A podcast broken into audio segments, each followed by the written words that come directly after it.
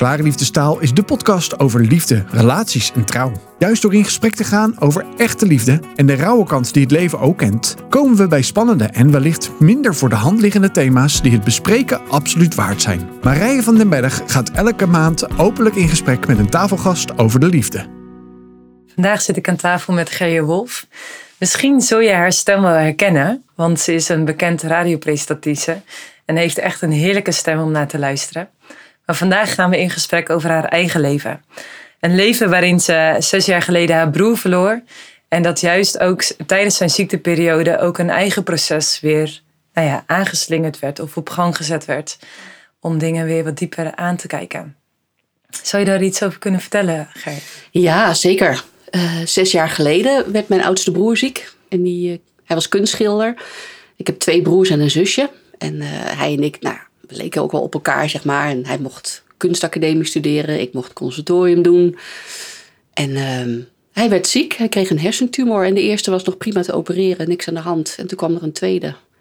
En toen kwam er een derde. En nou, toen heeft hij een heel, ja, na anderhalf jaar is hij uiteindelijk overleden. Maar hij hing echt met alles wat hij had. Elk vezel van zijn lichaam wilde blijven leven. Dus hij heeft echt gevochten tot het einde. En ook heel lang nog geloofd dat hij weer aan het werk zou gaan in zijn atelier. Ja. Toen wij al lang zagen van ja, dat gaat niet meer gebeuren. En ik zag bij hem zo'n levenslust en zo'n wil om te, om te overleven. En bij mij riep dat alleen maar op van wat heb ik gedaan? Hij hing met alles aan het leven. En het is hem niet gegund uiteindelijk, of niet gegeven. Terwijl ik voor mijn gevoel toen weer terugdacht aan die abortus van wat heb ik gedaan? Ik heb voor mijn gevoel heel snel besloten dat daar geen plek voor was, dat het niet kon. En het kindje weg laten halen. Dus ondanks dat ik er op verschillende punten in mijn leven al mee bezig was geweest, kwam het eigenlijk nog weer opnieuw op een nog diepere laag weer naar boven. Ja, en want je, dat, dat contrast dat hij dus vocht om te kunnen leven, ja. was voor jou eigenlijk de diepe confrontatie dat je als 17-jarig meisje een keuze maakte.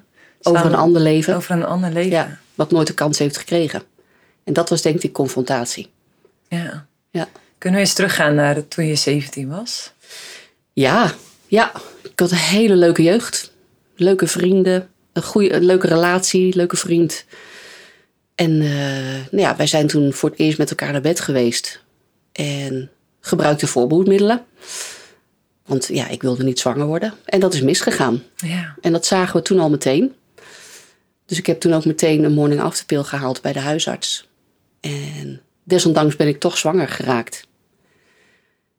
Ja, en je, wat voor moment kwam je erachter? Ja, dat weet ik nog heel goed. Ik zat op een, eh, op een school en het was, ik moest naar de huisarts voor een zwangerschapstest en ik moest bellen voor de uitslag. Zo. En ik stond in de aula van die school te, op een vrijdagmiddag tussen nou ja, een paar honderd andere mensen en zo'n telefooncel, mobieltjes had je nog niet. Vanuit de telefooncel in de aula te bellen naar de huisarts. En uh, die zei: Ja, de uitslag is positief. En ik dacht, oh gelukkig, ik ben niet zwanger. Ik ben niet zwanger. nee, hij is positief, je bent zwanger. Ja, toen zakte echt de grond onder mijn voeten vandaan. Ik, ja, ik weet niet wat ik gedaan Ja, ik weet wel wat ik gedaan Ik ben op de fiets gestapt en naar de school gefietst waar mijn vriend op zat. En gewacht tot hij vrij was. En uh, toen hebben we het over gehad. Maar echt, ja, bizar. Mijn wereld stond gewoon echt helemaal op zijn kop. Ja. ja.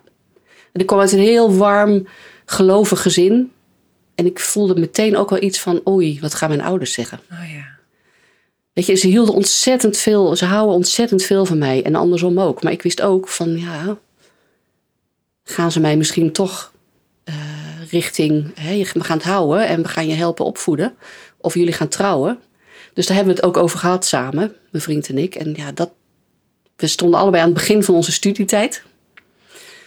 Want je zat dan op de middelbare school? We zaten op de middelbare school. En dus je wilde conservatorium gaan doen? Ja, ja, en daar stond ik helemaal aan het begin van. En hij had ook grootse plannen. Dus we, ja, samen hebben we toen besloten, na goed overleg, want dat is nog wel iets wat hem wel eens dwars zit, van uh, heb ik jou niet gedwongen tot die keuze? Mm. Nee, dat heb je me niet. We hebben het samen, samen over gehad. Toen zijn we samen toch vrij snel tot de conclusie gekomen dat het niet kon. Dat er geen plek voor was op dat moment. Hoe voelde dat voor jezelf op dat moment? Heel je dus dat, die ehm, beslissing rationeel. Het was echt geen enkele plek voor gevoel. Geen plek voor... Het stond ik gewoon niet toe. Want dan werd ik gek. Was je in paniek? Ja, ik denk dat achteraf gezien dat ik gewoon in paniek was. En hij ook. Gewoon wij allebei. Ja, we moeten dit nu fixen. Ja. Er moet een oplossing komen. Ja, ja. En er komt, er komt dan zo'n berg op je af waar je gewoon niet overheen kan kijken. Je kunt niet op de lange termijn kijken. En, tenminste, ik kon dat toen niet. En, en hij ook niet. En dit was voor ons gevoel de enige mogelijkheid. Ja, En ben je toen samen naar de kliniek gegaan of ben je alleen ja. gegaan? Nee, we hebben het allemaal samen gedaan. Hij was heel behulpzaam en heel, heel lief. En, eh, maar ja, Het lijkt me zo heftig. Als je daar dan binnenstapt en ergens denk je rationeel, dit is de Ja. oplossing. Maar ondertussen gebeurt er natuurlijk intern ook van alles Ja. en nog wat. ja en, en mijn ouders, die, niemand wist Niemand het wist het. Dus ik fietste gewoon naar huis, niks aan de hand. Dus dat je een soort twee levens leidt of zo van binnen. En mijn moeder zegt achteraf, toen ik het uiteindelijk tien jaar later heb ik het verteld aan mijn ouders. En toen zei, toen zei mijn moeder wel van, oh, ik kan nu wel dingen beter plaatsen. Dat je kon eindeloos voor jezelf hè, naar buiten zitten staren, voor je uit zitten staren. Dat ze niet altijd grip op me kregen of zo. En zei, nu snap ik dat wel, waar je dan mee bezig was. Maar toen, ja, het was gewoon echt eh, rationeel. En, en je had ook niet, niet zoveel bedenktijd natuurlijk. Nee. Want ik ontdekte, nou, ik wist natuurlijk al vrij snel. het is met zes weken is het eh, weggehaald. Maar ja, ik woonde ook in een dorp waarvan de huisarts zat bij mij in het volleybalteam. Weet je, en de huisarts die gaf mij een folder voor eh, eh, moeder en ongeboren kind. Hmm. Dus ik wist ook, ja, die is natuurlijk niet eens met de beslissing die ik neem. Gaat zij de mond houden? En ja, dat moet ze natuurlijk wel vanuit de professie. Maar toch, ik was gewoon ook heel bang dat mensen erachter zouden komen. Dat mijn ouders erachter zouden komen. Ja, daar was ik gewoon heel bang voor. Dus ik Was belde het ook. een stukje schuld en schaamte wat er dan... Dat kwam later. Ja, juist, dat, dat Ja, kwam dat kwam later. Dus toen was vooral, vooral de angst Ja, van... Wat als andere mensen Ja. het weten? Met het oordeel wat er dan boven hangt. Want ja, abortus, dat... Je, Dat was een over, no-go. ja, over een ander leven beslissen. Over leven en dood heb je het. En, eh, ik was altijd heel fel tegen de doodstraf. En nog steeds. Maar ik denk, ja... ik durf daar niet zo hard mee te roepen. Want ja, wat heb ik zelf gedaan?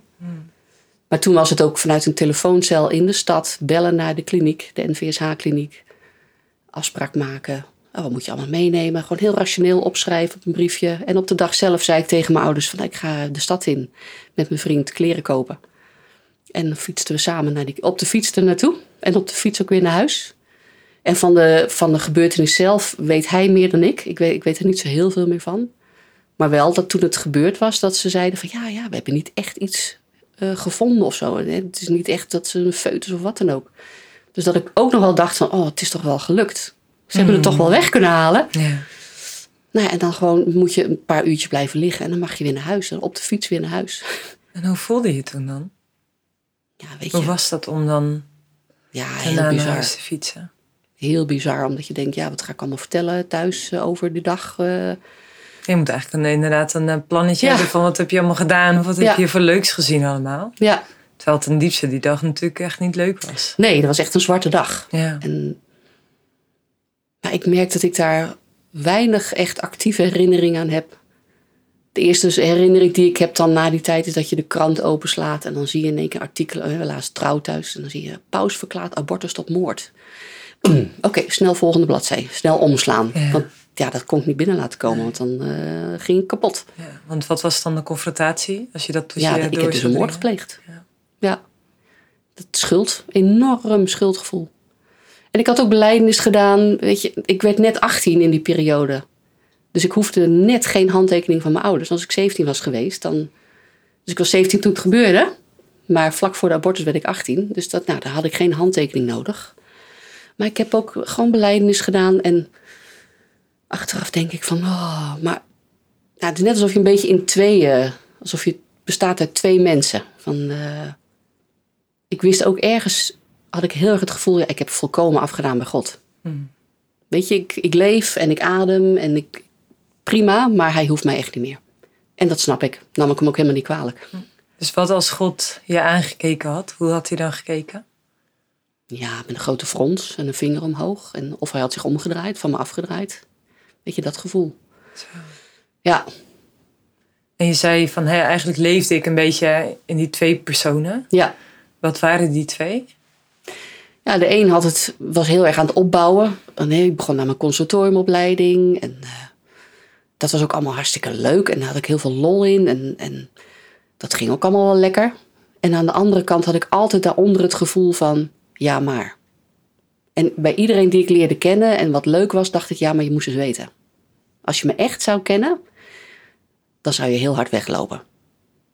Ja, dan zou je door de mand heen vallen. Ja, zou ik, door, ik heb heel lang het gevoel gehad, er komt een dag dat iemand die ballon doorprikt. en dan waar de waarheid boven water komt. Ik heb ook jarenlang zangleiding gedaan in de kerk. En uh, dat ik ook dacht van, ze moesten eens weten. Ja, uiteindelijk hebben ze het geweten. Ik heb het zelf verteld op een gegeven moment. En er is niemand geweest die ook maar iets veroordelends heeft gezegd. Helemaal niemand. Maar dat je dus 50, nou ja, meer dan 30 jaar leeft in, met het gevoel van schuld en afgedaan. En, en meer heel, dan 30 jaar? Ja. ja. Hoe, hoe kon je dat ooit volhouden? Want je hield er eigenlijk een soort van dubbel leven op aan. Ja, ik heb het de eerste tien jaar echt heel erg weggedrukt. Gewoon weggedrukt. Het is gebeurd, klaar. We gaan door met ons leven. En toen werd ik zwanger van de oudste. En toen dacht ik, ja. Nou, ik was sowieso al heel blij dat het kon. Dat er niks onherstelbaar was beschadigd. Ik was ook heel blij toen ik uiteindelijk mijn man leerde kennen. Dat we, een, dat we op het punt kwamen in de relatie dat. Uh, want ik had gedacht, ja, ik ga nooit meer een abortus doen. Nooit meer. En dat je dan in de relatie op een punt komt dat je denkt, als ik nu zwanger zou raken, dan is het gewoon welkom en dan ja. geen enkel probleem. En dat punt, ja, dat, ik was heel opgelucht toen we dat punt hadden bereikt, zeg maar. En toen werd ik uiteindelijk zwanger en toen dacht ik, nou ja, zal je zien dat er iets mee is, dat ze gehandicapt is of wat dan ook. En dat had ik ook helemaal niet gek gevonden en ook niet erg. En ik had het God ook helemaal niet kwalijk genomen. Want ik snapte. Want er was ergens de gedachte. De prijs betalen voor wat je gedaan betalen. hebt. Ja, dat kan niet ongestraft blijven. Dus dat, dat God je zou straffen ja. met de geboorte van een gehandicapt kind. Om dan maar te vereffenen wat je gedaan had. En dan had ik misschien ergens ook nog wel opgelucht geweest. Want dan denk ik, oké, nou is de prijs betaald, nou kan ik door. Dan staan we oh, weer kiet. Een beetje dat gevoel. Ja. En toen werd het een gezond baby. En toen werd het een gezonde meid. Is nu 27. En, hoe, hoe, kon je, hoe kon je dat, zeg maar, hè, dat, dat godsbeeld was dus heel erg, nou ja, vervormd eigenlijk door de keuze die je toen samen gemaakt had. Terwijl ik van huis uit helemaal niet zo'n godsbeeld mee heb gekregen. Dus, dus dat is echt heel... in je hoofd een soort van ontstaan van dit verdien ik dus. Ik verdien het dat God zijn rug naar me toe draait. Ik verdien het dat hij met de vinger op gewezen, gefronst naar me kijkt en me afkeurt. En ik snap ook altijd dat God van jou houdt en van, van hem en van haar. En, maar van mij, ja, dat snap ik wel dat hij, dat, dat hij daar uh, even zijn, zijn wenkbrauwen front, zeg maar. Dus ja, het is een bizar, een bizar godsbeeld. Die ik echt niet mee heb gekregen van huis uit. Maar dat heb ik echt mezelf aangepraat, denk ik, of aan uh, gedaan. En, en, als je terugkijkt op die tien jaar, die eerste tien jaar dat je het verdrong, mhm. was je toen gelukkig? Nee. Nee.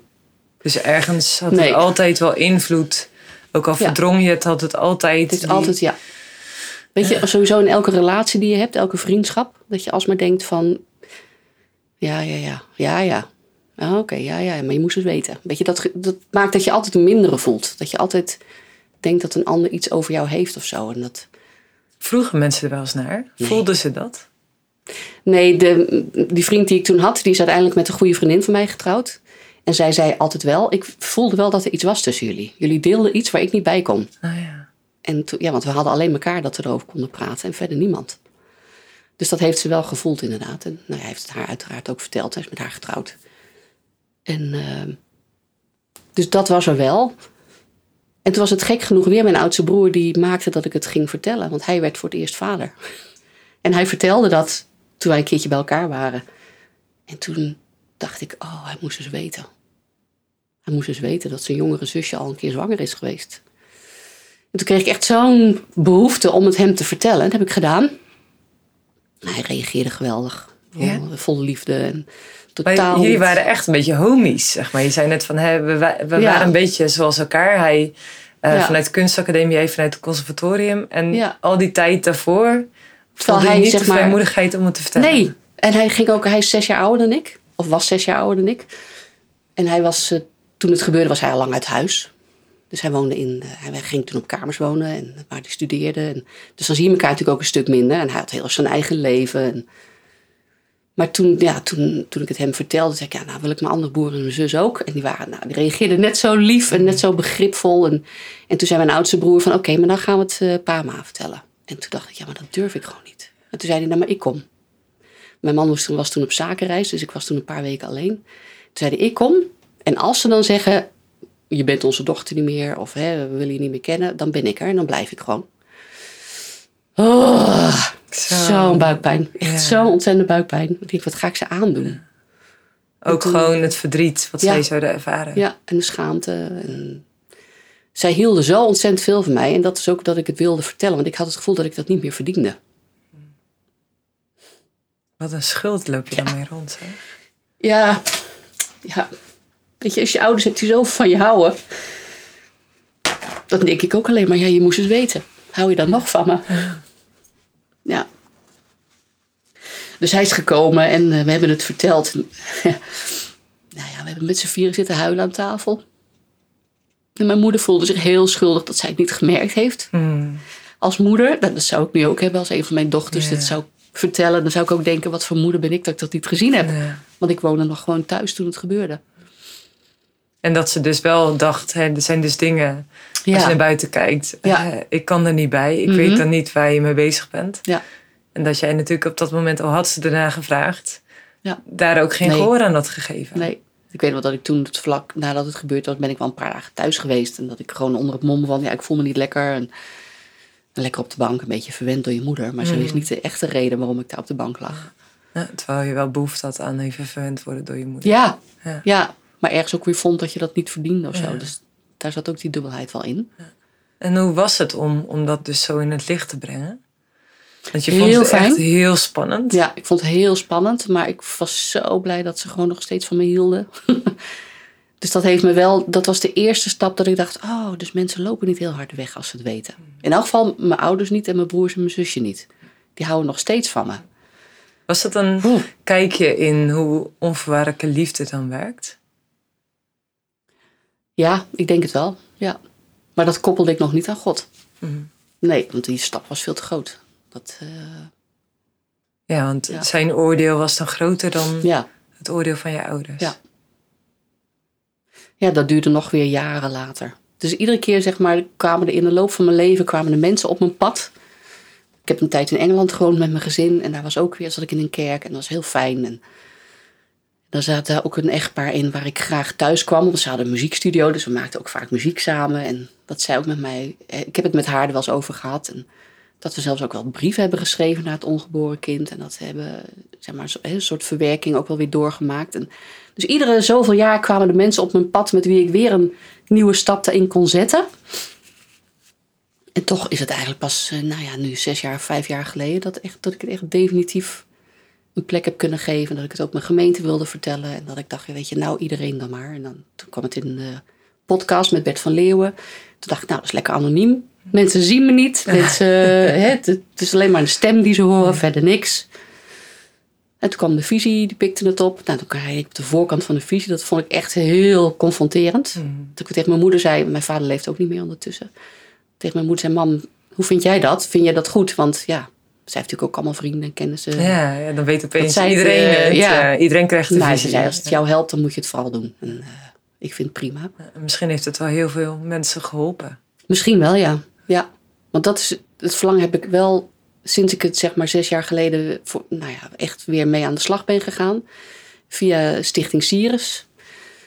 Hier vlakbij dacht, heb ik echt ook wel het verlangen om tegen me- meiden te zeggen van weet je, wacht niet 30 jaar zoals ik heb gedaan. Wacht geen 30 jaar ermee. En weet dat God al die tijd van je blijft houden.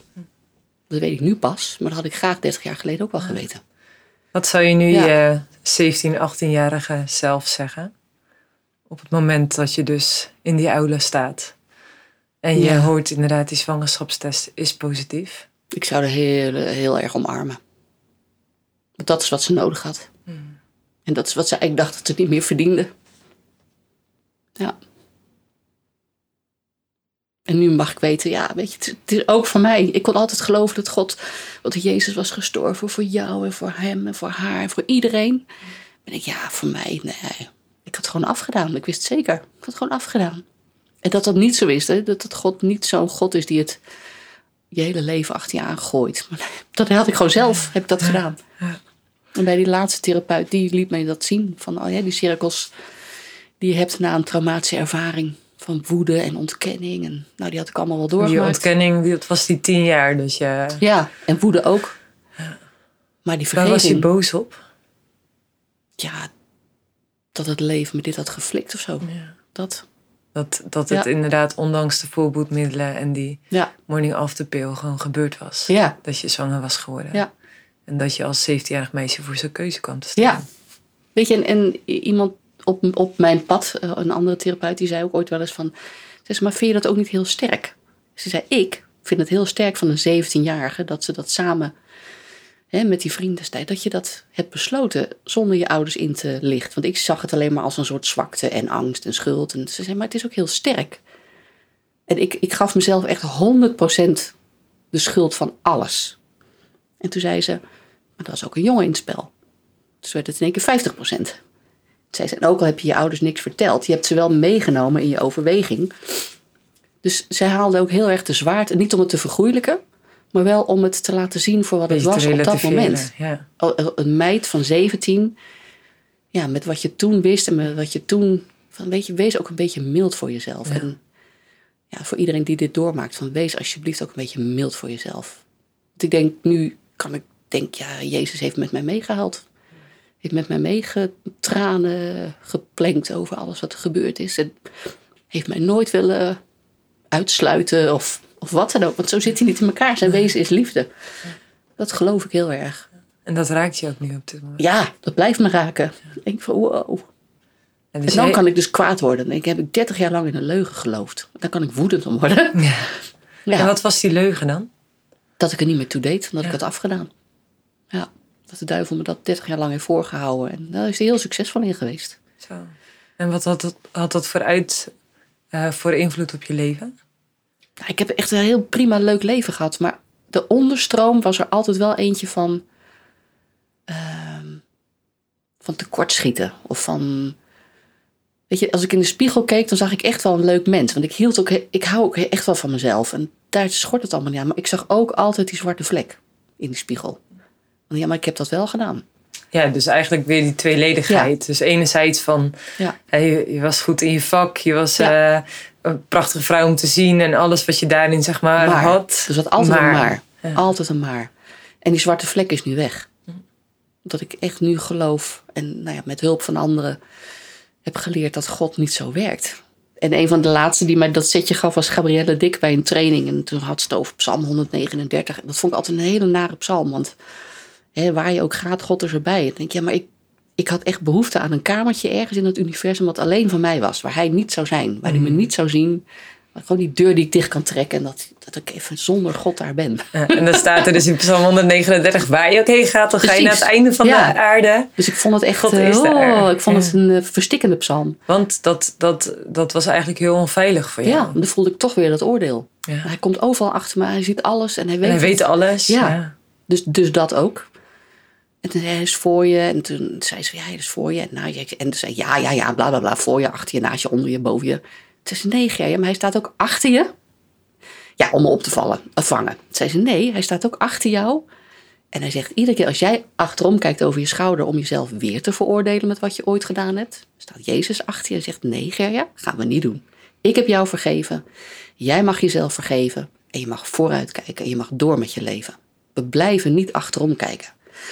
En toen dacht ik, oh, dat was voor mij echt zo'n eye-opener. Dat is bizar, want het is te simpel voor woorden. Maar dat was voor mij op dat moment precies wat ik nodig had om te horen van vooruitkijken. En ja, ik heb het gedaan, maar het maakt nu niet meer deel uit van mijn identiteit.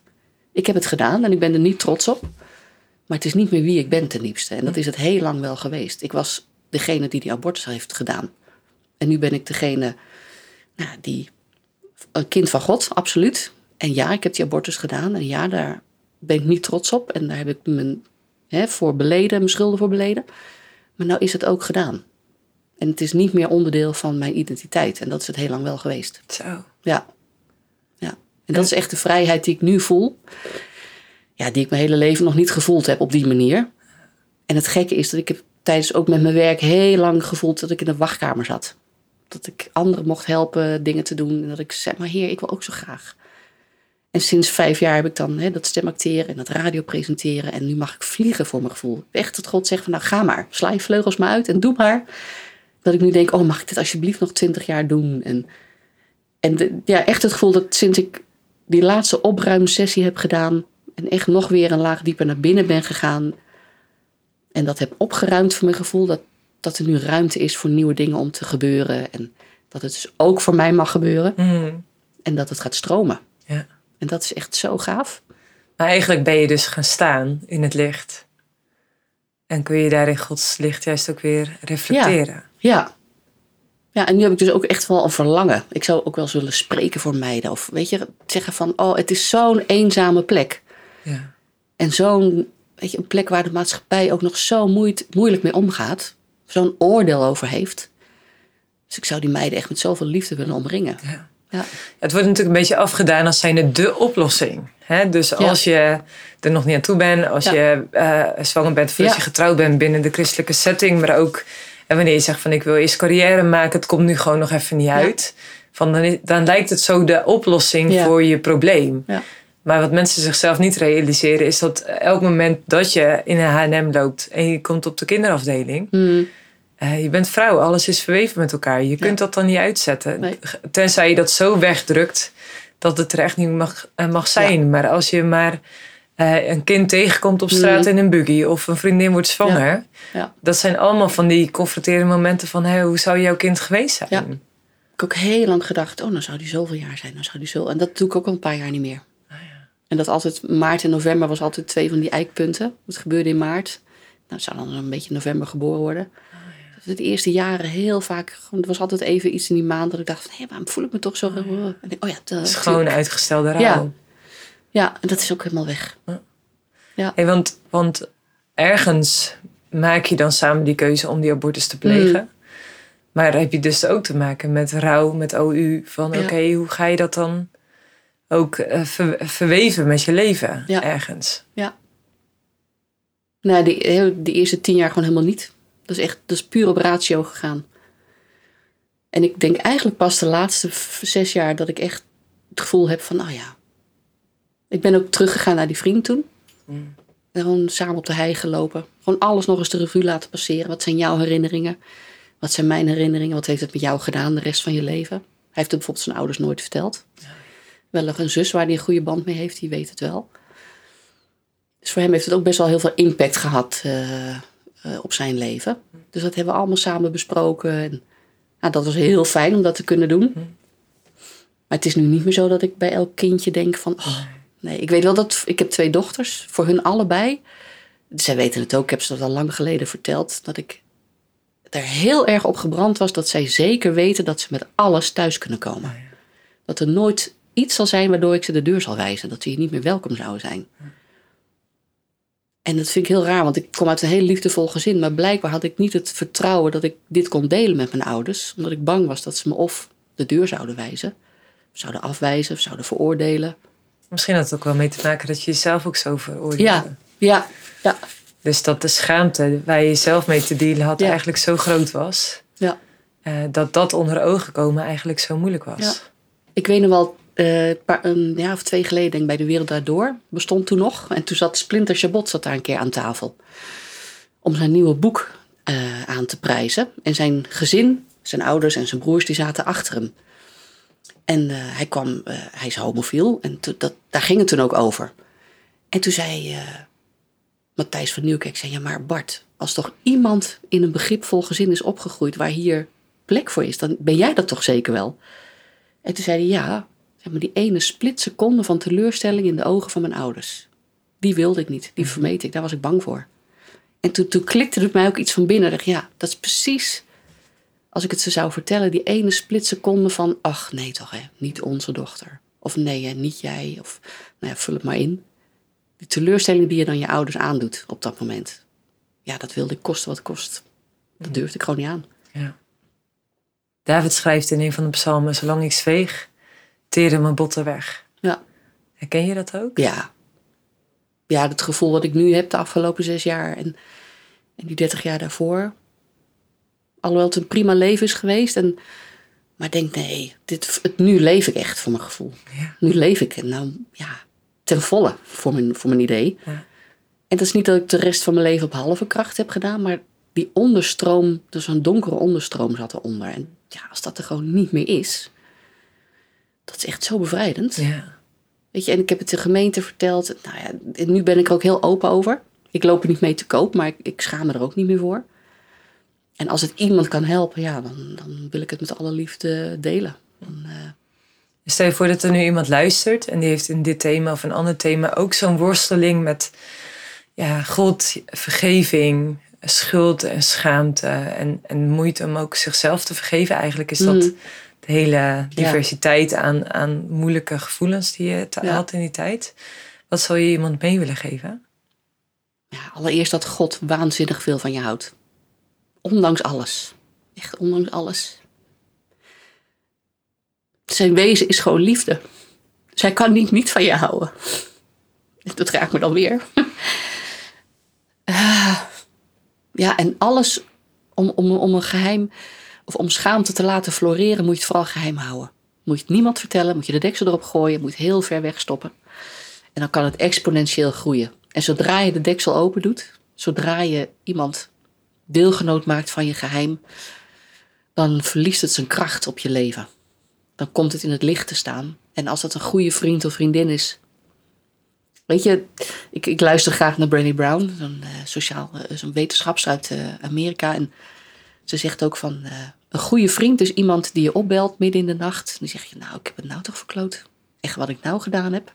Heel veel mensen reageren dan van, nou, je moest eens weten wat ik gedaan heb. Dus als je dan iemand hebt die zegt, dat is inderdaad behoorlijk stom. Maar weet je wat, ik claim me nu aan, ik kom eraan, dan hebben we het erover. Dat is een vriend. En daar heb je er maar één of twee van in je leven nodig. Geen tien, geen tientallen, gewoon één of twee, dat is genoeg. Nou, dat soort, daar heb ik er inderdaad twee van in mijn leven. En ja, dat gun ik iedereen. Dat je één zo iemand hebt met wie je dat geheim kan delen. En dan gaat de deksel eraf. En dan kan het misschien nog best wel een tijdje duren. Maar je staat er, je blijft er alsjeblieft niet in je eentje mee rondworstelen. Want je komt in je eigen gedachtencirkels terecht. En je trekt jezelf naar beneden die put in. Met al het oordeel over jezelf en het schaamtegevoel. En het hoeft niet. Want God is de eerste die zegt: Ik vind het erg wat er gebeurd is, maar ik hou van jou. Hij blijft van jou houden. Ook al is hij niet blij met dat ik die abortus heb gedaan. Houdt nog wel steeds van mij. Het is een beetje het verhaal van de verloren zoon. Die ook Ja, op de terug, weg terug zich afvroeg van... eh, ben ik het wel ja waard? ben ik er wel welkom? Ben ik wel Ja. welkom? Word Ja. ik niet weggestuurd? Ja. Eh, hè, mijn vader heeft alle recht om me weg te sturen. Want Ja. ik heb gewoon zijn principes eh, in de wind laten wegwaaien. Mhm. En dan het moment is dat die vader op hem Met afgestoken open armen. Ja, ja, ja, ja. Dat is wel mooi, want ik gaf tot voor kort eh één keer of twee keer per jaar in eh, de Paulusabdij in Oosterhout. er waren stilteweekenden en dan gaf ik dan op de zaterdagavond een zangworkshop. Dat is misschien een beetje raar, een zangworkshop en een stilteweekend. Maar het was een onderdeel van een, van een heel weekend en dat was prachtig. In die abdijgangen zongen we dan mooie liederen. Maar in een van die kamers daar staat ook het schilderij van Rembrandt van de Verloren Zoon. En dat doet me altijd ontzettend veel. Daar staat het groot op een ezel. En dat was dan ook een onderdeel dat je daar gewoon bij gaat zitten op zo'n bidbankje. En dat je daar zo'n half uur stil bent voor dat schilderij. Net zoals eh Henry Nouwen ja, voor het boek precies. Dat boek heb ik ook echt een paar keer gelezen. Dat vond ik zo mooi. Welkom thuis. Ja. Dat je echt denkt, oh ja, dat is God ten, ten diepste. Van, eh, hij leidt met je mee, hij voelt met je mee. En je blijft altijd welkom bij hem. En het zijn mensen die elkaar aanpraten. Dat dat, dat, dat niet zo zou zijn. Is het niet zo dat juist als we kijken naar Genesis... dat de duivel daarop probeerde om Eva een verwrongen godsbeeld te geven? Ja, En dat dat eigenlijk zijn doel is. Dat Ja. we God niet meer vertrouwen. Of dat we ons Ja. niet meer welkom voelen bij God. daar is hij heel goed in geslaagd. Ja. Heeft hij echt 30 jaar lang heeft hij dat eh, met heel veel succes volgehouden. Dus een van mijn laatste sessies ook, ben ik ontzettend kwaad geworden. Ontzettend kwaad. En dan vooral op die duivel. Mm. Klootzak. zo, zo in dat zo hoekje 30 jaar lang ja. eh, precies die dingen gezegd waar ik... Ja, en ik geloofde het. Ik slikte het als zoete koek. Tuurlijk deed ik er niet meer Ja, toe. het voelde ook als, Ja. als verdiend. Ja, zeker. Ja. Dat bij God is er geen verdienmodel, geen, geen schuld en boete. Geen, er is, God is echt in zijn wezen een en al liefde. En dat, dat ja, dan mag ik ja, dat heb ik daardoor echt mogen ervaren. En daar ben ik nu gewoon zo blij om. Dat ik nog 30 jaar lang hier rond kan lopen. En, en die eerste 30 jaar dan eh, denk ik van oké. nou. En tegelijkertijd hè, met wat ik nu dan op radio en zo mag doen allemaal. Denk ik ook van maar ik had het ook niet anders willen doen. In de zin van, ik had het met liefde over willen slaan, die abortus hoor. Maar ik kan nu ook wel bepaalde diepte brengen in de dingen die ik doe, omdat ik dit heb meegemaakt. Ja. Dus in die zin, ik ben nu 55. Ik denk, ja, ik had deze baan ook niet op mijn twintigste willen doen. Want dan had ik het heel anders gedaan. Ik ben blij dat ik het nu mag doen. Met de wetenschap van nu. Je hebt natuurlijk enorm veel wijsheid vergaard, juist door de diepte van het leven heen. Ja, ja. ja. En ook dat ik denk van, wat weet ik van jouw situatie? Wat zal ik gaan oordelen over jou? Ik weet niet wat er achter jou zit. En weet je, we hebben elkaar nu net voor het eerst ontmoet vandaag. Ik kan geen zinnig woord zeggen over jou als persoon. Daar moet ik je eerst beter voor leren kennen. En toch hebben we zo vaak een oordeel, ook ik, zo vaak, zo snel een oordeel klaar. Dus dat... het schijnt in een milliseconde al te ja. ja. ja. Dat jou iemand in een hokje plaatst in je hoofd. Ja. Dus daar ben ik me heel erg van bewust van oordeel. En ook over grote thema's als abortus en zo. Bekijk het van persoon tot persoon. Kijk altijd naar de mens die het overkomt. Want inderdaad, soms wordt het bijna gebruikt als een soort voorboedmiddel. Ja, ook in Oost-Europa. Maar het, uh, ja, dat, dat keur ik helemaal never nooit goed. Bedoel, dat helemaal niet. Maar bekijk elk geval apart. En er zit altijd een vrouw achter en ook een man om wie het gaat. Ja. Nou, ik vind het ook zo mooi als je kijkt naar, uh, naar Johannes 8, waar die overspelige vrouw uh, voor, voor Jezus geworpen mhm. wordt. En ik heb met een, met een training of met een vrouwenochtend wel eens daar een imagination oefening van gemaakt. Dat ik zei, sluit je ogen nou eens. En dat ik het verhaal vertelde alsof dat je daar dus zelf ook aanwezig was. Ja. En dat je dus in Israël was. En dat, het, nou ja, dat, dat er een menigte op je afkwam. En je mhm. voelde de spanning door de lucht heen sidderen. Ja. En dat vervolgens Jezus daar stond. En, en dat je echt ging kijken, wat gebeurt hier nu eigenlijk? En, en dat je dat gesprek ziet tussen hè, de oudste van het volk en Jezus. Van, hè, ze is op hete daad betrapt. Waar is de man overigens? Maar het, hè, dat was die mhm. vrouw dan alleen. Die vervolgens, zeg maar, uh, uh, bij Jezus de keuze krijgt. Of in ieder geval, hè, zeg het dan maar, dat we haar moeten stenigen. Ja. En waarin hij zo'n diepe les leert over hè, hoe gaan wij dan zelf ook om met datgene wat we dus zien bij een ander. Ja. Want als, als we inderdaad reflecteren op die vraag, hè, degene die zonder zonde is, mhm. die werpen de eerste steen. Zelfs de oudste, hè, de fariseeën en de schriftgeleerden, die vertrokken als eerste. Ja. ja.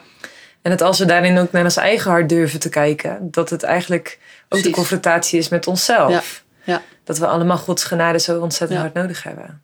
Dat is wel mooi dat je dit noemt, want toen uh, een paar jaar geleden kwam de voorganger naar me toe en die zei: Ger, die, die, wist het verhaal, die wist mijn verhaal. Want hij zei, ik ga preken zondag en eigenlijk zou jouw verhaal daar heel mooi in passen. Zou jij het zien zitten om het te delen? Nou, dat vond ik echt een hele stap, want uh, ik was daarvoor jarenlang zangleiding geweest in die kerk. Dat ik dacht van, oh, dan gaan mensen zeggen, joh, wat doe je op dat podium opzouten? Mm. Door zo iemand die ons niet laten leiden. Toch wel eens? Ja. ja. Dus ik heb over nagedacht en uiteindelijk besloten om het te doen. Maar uh, Schrijvers voor Gerechtigheid, die hebben een heel mooi lied over deze vrouw, de overspelige oh. vrouw. Toen zei ik tegen hem van, weet je, dan ga ik eerst dat lied zingen als een soort inleiding en dan ga ik het delen. Welk lied is dat? Ja, dat is het lied eh, Thuis bij hem van Schrijvers voor Gerechtigheid. Van de cd Licht, Licht aan. Dat is echt zo'n mooi lied en dat verwoordt precies hoe, ik, ja, hoe het voelde. Dat die overspelige vrouw, die staat daar klaar om gestenigd te worden. En ze voelt die menigte, met die, iedereen heeft al een steen in zijn hand. En ze staat daar doodsbenauwd.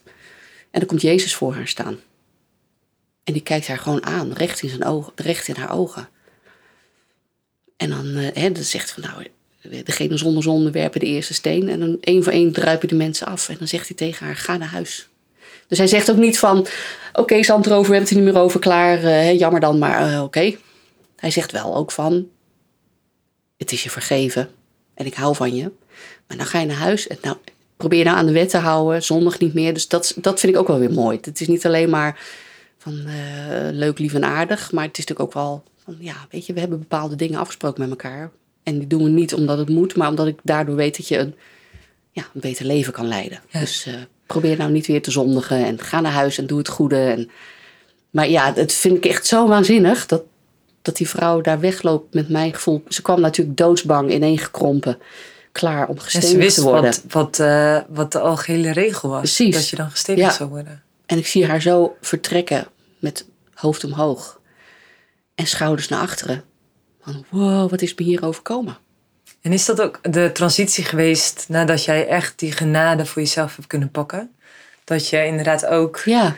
hoofd omhoog, schouders naar achter, weer in vrijheid door het leven kunt gaan?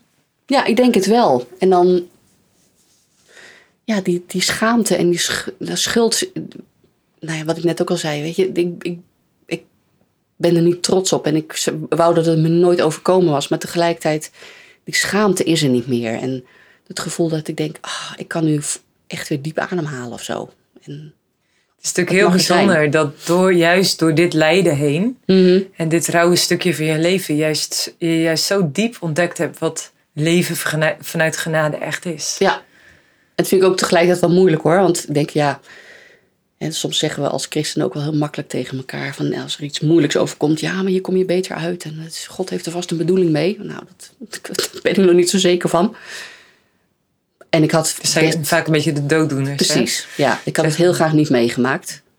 Maar als ik het nu terugkijk, dan denk ik van ja, ik, met, met de kennis van nu en met hoe ik er nu in sta, ja, daar ben ik wel heel dankbaar voor dat, dat, dat ik nu op dit punt gekomen ben. Met hulp van mensen op mijn pad. En daar zie ik dan ook wel heel erg Gods leiding in.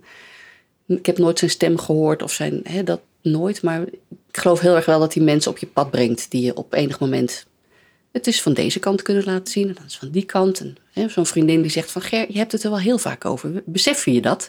Volgens mij is dit nog niet helemaal klaar. Volgens mij moet je er nog wat mee. Nou, dat soort mensen, ja, geweldig. Ja. Ja, Dus eigenlijk ben je st- steeds een stapje dieper gegaan. Ja. Toen in Engeland en toen bij Syrië uiteindelijk. En, en steeds weer laagjes dieper. Ja. Dat, dat, dat je eigenlijk bij de diepste zielvraagstuk uitkomt. Ja. Van hey, mag ik er zijn? mag ik er zijn. Ja. Ben ik geliefd? ja. En dat kwam zelfs in, in die radiocursus, die presentatiecursus. Want dan gaat die microfoon open. En dan denk, dacht ik ook in het begin, ja, maar wat heb ik nou te melden? Weet je, wat kan ik nou toevoegen aan wat er nog niet is? Ook weer dat idee van er komt ooit iemand en die prikt die ballon door en dan is het allemaal gebakken lucht. Weet je, dat gevoel. Dat zat er toen ook nog wel in. En dat je dan nu, dat dat niet meer zo is. Dat je denkt, dat is toch ook die, die diepste liggende vraag van elk mens. Van zie je mij en mag ik er zijn?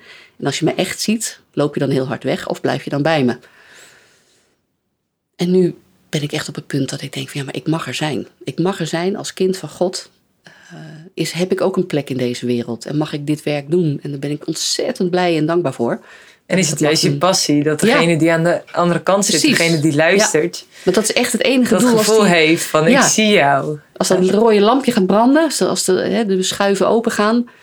En dat doe ik dan zelf, want ik schuif ook zelf. Dat ik echt, en ik zit s'avonds laat in de weekenden. En dan heb je vaak mensen die, hè, die appen dan van, oh, ik heb zo'n roldag gehad. Maar dankzij eh, de radio, hè, door, door wat jullie laten horen.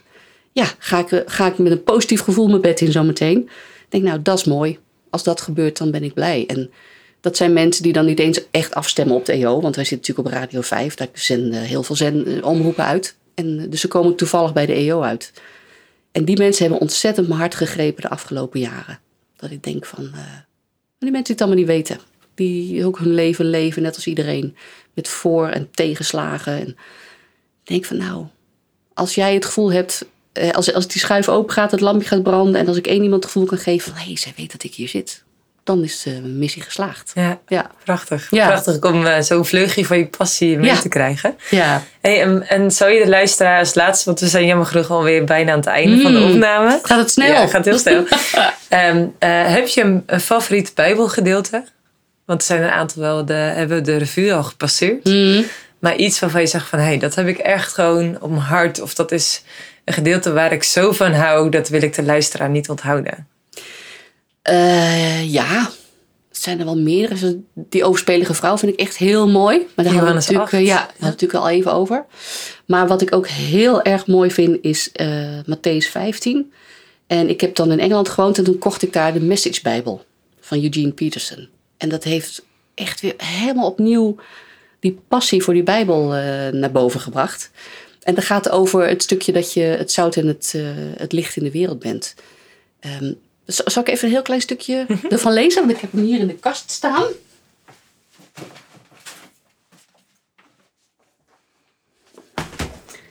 Even kijken hoor. Zet ik mijn bril erbij op. Even kijken. Meestal ligt de bladwijzer er. Oh nee, die ligt in dit geval bij ja, Psalm 100. De- Het is trouwens ook, hè, moet ik die eerst even noemen. Psalm 100 is de kortste psalm. En het gaat over hoe je de, de, de, de, het voorhof van eh, de tempel binnenkomt. En in het Engels zeggen ze dan: On your feet now, applaud God. Bring a gift of laughter and sing yourself into his presence. Wauw. Als je denkt van waarom zingen we zondag in de? Sing yourself into his presence. Dus we blijven net zo lang zingen Want ook ik heb niet altijd zin om te gaan zingen op zondag of welke dag dan ook. En hij zegt, sing yourself into his presence. And know this, God is God and God God. De ik ben. Ja, he made us and we did not make him, staat er. We are his people, his well-tended sheep. And enter with the password, thank you. Dat vond ik echt zo'n mooie zin. Van eh, de onderstroom van je leven. Als dat er eentje is van, dank u wel, heer. Dan opent dat dus blijkbaar, het is een password hier in die psalm. Enter with the password, thank you. Dus dat opent dus blijkbaar deuren. Of dat opent stromen, dat opent... Hè, dus hoe kom ik hier binnen? Kom ik binnen met van, nou, ik heb nog even een appeltje te schillen met God. Of kom ik binnen met, ja, maar dit en dit is me overkomen. Ga ik erin blijven hangen? Of kom ik binnen met, dank dat ik hier ben, Heer. Dank dat ik er ben. Dat ik hier mag zijn. Dat ik leef, dat ik ademhaal. Dat het goed gaat met me. En als dat mijn onderstroom is, dan kleurt dat gewoon echt de rest van mijn leven, alles wat ik doe.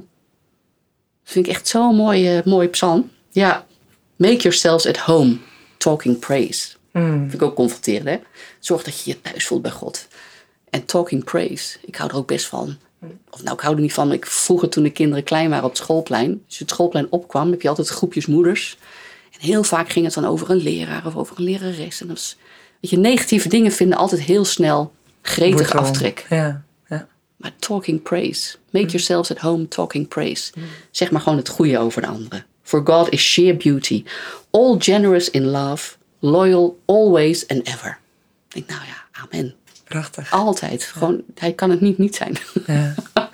Tijdens, eh, tijdens mijn herstelperiode van mijn ziekteperiode eh, had ik een, eh, een, eh, een traumasessie aan de hand van posttraumatische stressklachten. Ik had herbelevingen van een heftig moment in het ziekenhuis. ja. En eh, eh, toen had ik een beeld dat ik bij God als het ware in een berghut kwam. Mhm. En dat er, het rook naar verse appeltaart. En dat hij daar dus een mok met warme thee of zo voor Ja. me neerzette. En dat hij aan me vroeg, Marije, vertel me je verhaal. Hmm. En dat is nog steeds een, een plek waar ik zo vaak terug ga. Ja. Dus het raakt me heel erg in eh, make yourself at home. Ja. Van, dat, dat was zo'n thuiskomgevoel. Ja. Ik ken niet voor Ja. niks Marije van den Berg. Ik ken Ja. iets bergen. maar daarin, daarin zeg maar zo thuiskomen bij Mhm. God. En dus zo weten, eh, hij is benieuwd naar mijn Ja. verhaal. Hij heeft dus, ik was daar alleen. Hij heeft gewoon volle focus Mhm. op wie ik ben Eén en wat ik te brengen heb. Ik ben nog benieuwd naar Matthäus 15. Ja, wow. even kijken hoor. Ehm, Heerlijk als het woord ik zo open gaat. ja, hè? Ja. Maar gek als het dan in zo'n Engelse, eh, eh, hoe noem je dat? Engels van, van alle dag? Ja. ja. Ja, dat is echt de Bijbel in gewone taal, maar dan in het Engels. Ja. Precies. Het is echt een aanrader. Als je op een nieuwe manier de Bijbel wil lezen, dan is de message echt een, een prachtige vertaling. Even kijken hoor, want ik heb het heel erg aange... Oh ja, hier. Ik, zei, ik heb het fou- fout gezegd. Het is Matthäus 5. Er staat... Let me tell you why you are here. You are here to be salt seasoning that brings out the God flavors of this earth. Hoe mooi is dat? Ik ben gek op eten.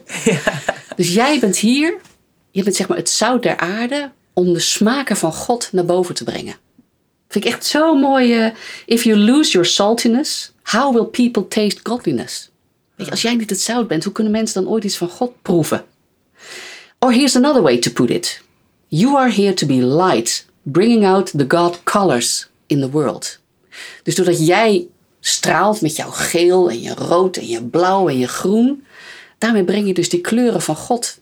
Dus ik geloof heel erg dat hij zegt van, joh, ga jij daar maar heen waar het grauw is, waar het grijs is, waar het zwart is. En kom daar maar met je knalgeel en je bloedrood en je, en je paars en je groen en je... En straal daar maar gewoon wie jij bent. Dus niet eh, wie je denkt te moeten zijn, maar wie jij bent. En daarmee breng je mijn kleuren, maak je zichtbaar in de wereld. En dan zegt hij, God is not a secret to be kept. Weet je, het is geen groot geheim, niks ervan. We are going public with this, as public as a city on a hill.